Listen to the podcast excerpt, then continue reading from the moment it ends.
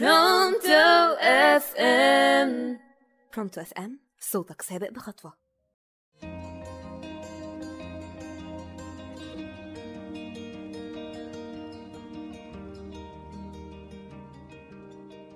أهلا بكم وحلقة جديدة في برنامجكم دروب الحياة. حلقة جديدة وموضوع مختلف هكون معاكم أنا أسماء علي على راديو برونتو FM تقدروا تتابعوني على ال social media وفيسبوك وإنستجرام وصفحة البرنامج دروب الحياة. على Pronto FM. هنتكلم في كل المواضيع اللي بتواجهنا وبتأثر علينا بأي شكل من الأشكال.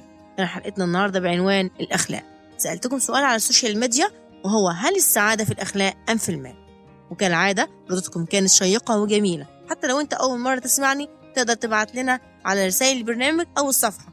وهنشاركه هنا وهنعرف رأيكم في موضوع حلقتنا النهاردة وهنقرأ ونناقش ردودكم مع بعض ولكن بعد فاصل صغير وأرجع لكم.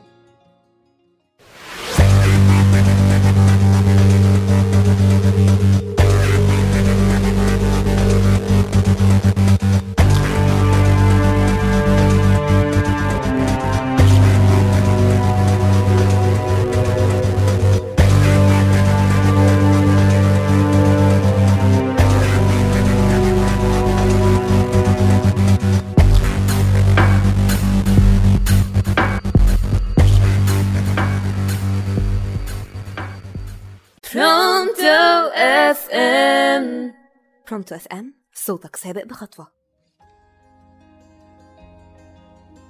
ورجعنا لكم بعد الفاصل وأتمنى تكونوا متابعيني دلوقتي في حلقتنا النهاردة عن الأخلاق. أولا نعرف إيه هي الأخلاق؟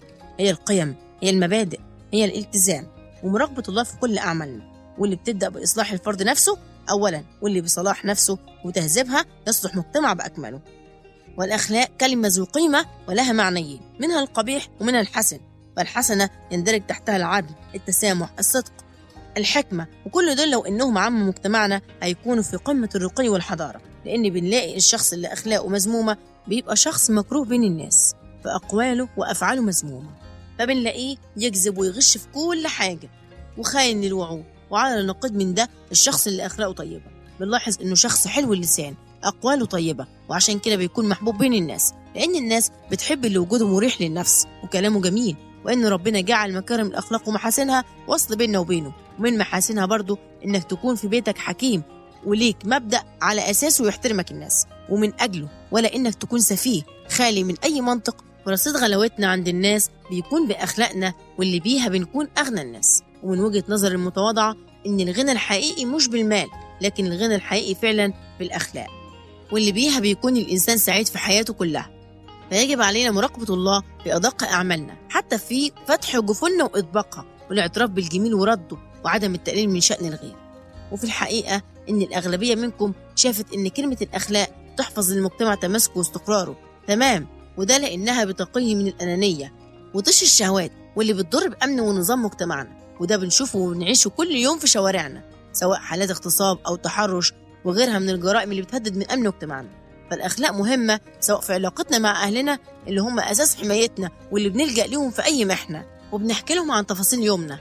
وده اللي بيخلي بنات وشباب كتير يعملوا مصايب وعشان كده بننصح إنكم تحبوا أولادكم. اسمعوهم وجهوهم للصح بطريقة لينة لأن ما في إنسان معصوم من الخطأ. وعرفوهم إن لا أخلاقهم ولا دينهم يسمح بالغلط حتى لو كان هين أو بسيط لأن البسيط ده ممكن يوصله إلى ما لا يحمد عقباه. وصدقوني هتكونوا أنتم أكبر المستفيدين وطبعا ما ننساش دور الإعلام في بث الثقافة الأخلاقية وتدريبها لأولادنا بطريقة سلسة.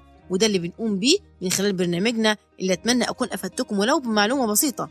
ألا وهو التوجيه الإعلامي الأخلاقي. وطبعا كلنا عارفين إن الإعلام له دور أساسي في التأثير على الرأي العام لأن تعتبر الأخلاق هي المؤشر على استمرار أمة أو انهيارها. فالأمة التي ينهار أخلاقها تنهار كيانها.